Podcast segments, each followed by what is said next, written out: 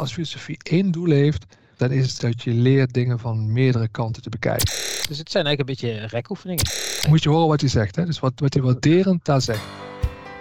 Welkom bij de podcast van Courageous Teaming. Een podcast over kiezen van moed en werken in teams. Ik ga het over filosofie hebben, Patrick. Nou goed, De belofte is dat praktische filosofie, en wat je ook doet, je enorm kan helpen. Nou dan vertel eens even welk verhaal daarbij hoort dan. Ja, wij hebben een afwijking. En niet één, maar meerdere. Maar één daarvan is dat wij vorig jaar een opleiding gedaan hebben in eh, praktische filosofie. En dat heeft ons eh, zoveel eh, plezier opgeleverd dat wij eigenlijk dit jaar een opleiding volgen. De Grote Denkers heet die. Bij de School for Life. Wil ik gratis reclame maken. En dat is volgens mij 40 weken lang zitten wij 2,5 uur gekluisterd aan de laptop. Met, eh, waar we de alle grote denkers van, eh, van de afgelopen eeuwen van, van Europa, Azië en Afrika voorbij zien komen. En wat maakt nou dat je daar zo door geboeid bent? Ik kan daar een, een, een holistisch, maar laat me het je praktisch maken. Vorig jaar dus, toen we die tien weken of zo deden, toen introduceerde, dat was onder leiding van Lammert Kamphuis. Die heeft een boekje geschreven, Filosofie van een weergeloos leven. En die man introduceerde de, de term perspectivistische lenigheid. En die ging die uitleggen en denk je, oh, dat is toch geweldig. Dat is een voorbeeld waar je even op het puntje van je stoel zit, die zegt, als filosofie één doel heeft, dan is het dat je leert dingen van meerdere kanten te bekijken. En eh, dat je dus die lenigheid hebt om je eigen overtuigingen en, en, en eh, dat je kunt loslaten en, en even een heel ander perspectief kunt kijken. En dat je dat veel rijker maakt, ook veel vrijer maakt als mens, als je daartoe in staat bent. Wat nu heel erg in is, en die School for Life doet dat eh, denk ik uitstekend, is om het praktisch te maken. Wat heb je daar in je dagelijkse leven aan, in je dagelijkse werk aan? Hoe word je er een nou, gelukkiger mens van? Ik denk dat als ik het op mezelf projecteer, Patrick, dan door de dingen die je doet en meegemaakt hebt, ontwikkel je, ik in ieder geval bepaalde principes waarvan ik denk, oh ja, zo werkt het. En als je dan zo'n reeks filosofie volgt, dan kom je eigenlijk tot de conclusie dat dat maar een kijk is. En dat probeer je dan heel erg aan vast te houden. Maar er zijn natuurlijk een heleboel andere manieren waardoor je ook nou, succesvol, gelukkig het goed samen kunt doen. Andere uitgangspunten zijn principes. Dus op een of andere manier, door het steeds te bekijken vanuit nou ja, zo'n grote denker, verbreed ik mijn eigen flexibiliteit. Kan ik op meerdere manieren naar een vraagstuk kijken? Kan ik ook meer begrip of flexibiliteit opbrengen voor het beeld van een ander? En wat ik er zelf heel erg eh, fijn aan vind, het helpt me dus ook een beetje te relativeren af en toe. Weet je, over situaties waar je zelf in zit. Nou ja, dat doet het doordat je er vanuit nou, het Taoïsme naar kijkt, of vanuit het Boeddhisme, of je kijkt juist vanaf de Afrikaanse filosofie, Ubuntu-uitgangspunten naar je vraagstuk. Filosofie, Petter, is blijkbaar nu heel erg in. En een van de redenen is dat het, dat, het nu heel erg praktisch gemaakt wordt door heel veel mensen. Dus dat scheelt enorm. Maar een andere is doordat mensen massaal het geloof verlaten hebben of andere dingen waar ze houvast in hebben, zoeken ze iets anders, een alternatief. En die filosofie biedt daar een alternatief voor. En last but not least, in het werk, zeker wij als consultants, maar ook leidinggevende, ben ik erachter gekomen dat heel veel van de dingen die wij doen, die wij praktisch gemaakt hebben, gebaseerd zijn op wat grote denkers ooit bedacht hebben. Laat me één voorbeeldje geven. De Circle of Influence van Covey, die kent iedereen. De Circle of Influence van richt je alleen op datgene waar je invloed op hebt en niet op de Circle of Concern over het weer.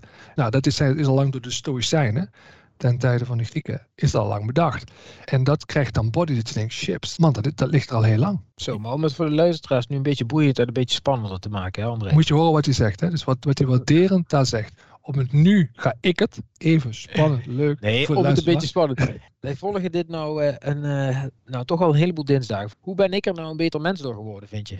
Nou, dat zal ik je zeggen, Ewout. Een van de krachten die jij in onze samenwerking brengt en ook in Crazy Teaming is dat jij structuur, ritme, noem het een lijn inbrengt in de dingen die wij doen. En wat ik gezien heb en ervaar is dat die filosofie jou ook gewoon veel flexibeler gemaakt heeft. En wat je, wat je net al zei.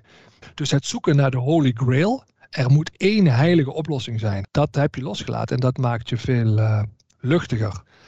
Dus het zijn eigenlijk een beetje rekoefeningen. Ja. Rekoefeningen voor de geest. Als je nou kijkt naar die hele coronadiscussie die we nu hebben, het polariserende daarin. Wat ik je dus hoor zeggen is, door deze filosofische insteek ga je dingen veel meer van verschillende kanten eh, zien. Maar ben je ook bereid om alles ter discussie te stellen. Is dat het? Ik denk dat je, dat je in ieder geval bereid bent meer ter discussie te stellen. Waar het mij wel echt bij geholpen heeft, is het te beschouwen als iets wat gebeurt.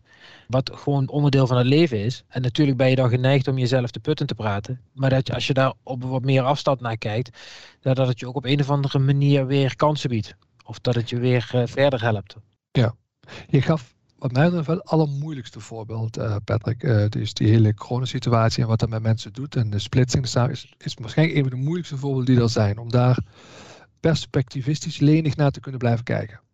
Als het jezelf ook heel erg raakt, hè, je privé situaties uh, of, of, zakelijk.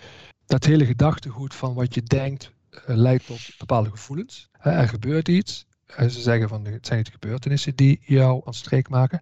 Het zijn de gedachten die je daarover vormt en de gevoelens die daar vervolgens achteraan komen. Dus realiseer je dat ook weer. Je heel goed gebruiken in, in het coachen van mensen en van teams. En dat is weer een voorbeeld waar uh, zo'n zo gedachtegoed enorm helpt. Nou, hadden jullie de belofte dat je zegt filosofie kan je praktisch helpen. Nou, hebben jullie een voorbeeld? Heb jij een voorbeeld in de praktijk waar je zegt van hier heeft het mij enorm geholpen? Nou, ik zal je van deze week, daar ben ik mee aan het oefenen. Dit vind ik iets ongelooflijk lastigs. Deze week stond het Taoïsme onder andere centraal, daar werd over verteld. Zij spreken daarover, dit, iedereen herkent dit, maar om dit in de praktijk toe te passen vind ik dat hartstikke moeilijk.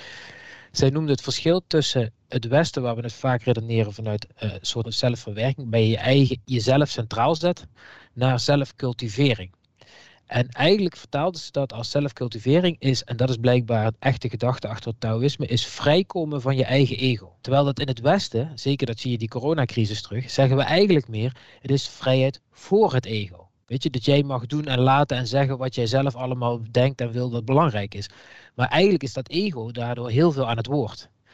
En dan zet ik die twee tegenover elkaar. En dan ben ik zo'n week bezig mezelf de vraag aan het stellen. Eigenlijk, waar ben ik nu bezig met vrijheid voor mijn eigen ego te creëren? Dus dat ik, dat ik eigenlijk kan doen wat ik denk dat belangrijk is. Of mezelf te profileren of, of et cetera. En waar ben ik eigenlijk dingen aan het doen. Waardoor ik misschien wel vrij word van mijn ego. Dat ik me niet meer zo laat leiden door wat anderen ervan vinden of niet. Nou, dat is voor mij is dat een voorbeeld wat mij helpt in de praktijk. En, en voor mij maakt het leuker om me die vraag te stellen. Zijn er uh, stromingen in die filosofie die we in het bedrijfsleven, in het werk wat jullie tegenkomen, die wat je daarin herkent, in hoe wij ons werk organiseren? Of... Nou, er zullen er vast een heleboel zijn. Maar toevallig, je stelde een vraag en ik kijk net naar een uitspraak die ik bij een van die colleges had opgeschreven, die mij bijvoorbeeld wel prikkelde. Uh, blijkbaar heeft zo Confucius ooit gezegd, of was zijn uitgangspunt, een ethische vorst leidt tot een welvarend volk. Dus hij was er onder andere voor de vorsten, om ervoor te zorgen dat zij nou, ethische keuzes maakt. Wat is goed voor het geheel? En uiteindelijk vanuit de gedachte, als je dat maar doet, dan krijg je ook een welvarend volk. Ergens heb ik het idee, dat is in het bedrijfsleven, hè, een ethisch leidinggevende leidt tot een welvarende organisatie. Ja, en ben je bezig met die vraag? Of ben je stiekem toch vaak bezig met de vraag eigenlijk, ja, hoe kan ik nou zoveel mogelijk centjes verdienen voor mijn organisatie, eventueel ten koste van een andere organisatie? En ik vind dat nou zo'n uitspraak van, nou, die zou je als leidinggevende wel mee kunnen nemen de slogan van uh, wij als organisatie kunnen niet succesvol zijn in een wereld die faalt. Daarmee maak je je onderdeel van een groter geheel. Dus dat is heel erg al volgens dat Oosters denken, als je dat aanhangt. Ja. Hele mooie toepassing. Dit begon voor mij te dagen. Ik heb het idee dat, dat eigenlijk al die stromingen in die filosofie een beetje proberen toe te werken. Ze zullen dat zelf anders verwoorden, maar naar een soortzelfde eindpunt. Een soort je hart of je hoofd in een soort stand van rust kunnen brengen, ondanks dat je in verschrikkelijk uitdagende omstandigheden uh, leeft, woont, werkt, uh, whatever. En wat me begon op te vallen is dat je in die westerse filosofie ziet, misschien wel, hè, Stoïcijn is daar een mooi voorbeeld, dat we dat vooral proberen te doen door gebruik te maken van de ratio. Hè, dat je, doordat je jezelf een ander verhaal vertelt, een ander gevoel krijgt, een ander gedrag en dat meer in overeenstemming brengt met elkaar. Waar ze in het oosten misschien meer terugvallen op andersoortige rituelen. Uh, denk ook aan Tai Chi, een andere vorm van lichaamsbeweging uh, die daarbij hoort. En in het Afrikaanse kwam ik tot de conclusie dat dat misschien wel meer gaat door je echt helemaal onderdeel te voelen van de natuur en van de gemeenschap waar je bent. Maar uiteindelijk leidt het eigenlijk allemaal wel een beetje tot hetzelfde voor mijn gevoel. Dat je die, die rust kunt ervaren, ondanks dat, je, dat we met z'n allen in soms uh, uitdagende omstandigheden zitten. Daar krijgen we allemaal mee te maken. Aansluitend op wat Ewout zegt, hè, wat je dus heel vaak ziet, is iemand heeft iets bedacht en dan staat daar een tegenstroming op als gevolg. Maar eigenlijk als je dan zo door de eeuwen heen kijkt, weet je, de waarheid aan zich bestaat niet. Er zijn gewoon meerdere manieren van kijken. Dus als jij en ik in een discussie zitten, dat ik denk, ja, ik moet stoppen met jou proberen te overtuigen, want dit is gewoon mijn visie, dat is eentje, maar je kunt er een hele andere tegenover zetten. Dat je daar makkelijker mee omgaat en minder energie verspilt aan het verkondigen van wat jij als, uh, ja. als de weg ziet of het goede ziet. En er zijn blijkbaar verschillende manieren van doen die misschien wel tot hetzelfde uiteindelijk kunnen leiden. En dat gun ik mezelf. En ik ben ik wel een beetje mee bezig, maar dat gun ik anderen ook. Is, weet je, probeer gewoon eens wat van die verschillende manieren. Dompel je eens onder een tijdje in wat gewoontes uit die Oosterse filosofie. En, en kijk eens wat het je brengt. Hoe word ik daar, want uiteindelijk is dat misschien wel de vraag, een beter mens van of een beter leidinggevende voor, voor mijn organisatie, mijn mensen. Het levert dus heel veel vrijheid op. Speelruimte, letterlijk spelen. Hè? En je haalt jezelf uit een box. En, en dan ga je ontdekken dat ook andere manieren jou misschien nog wel passen. En plezier geven.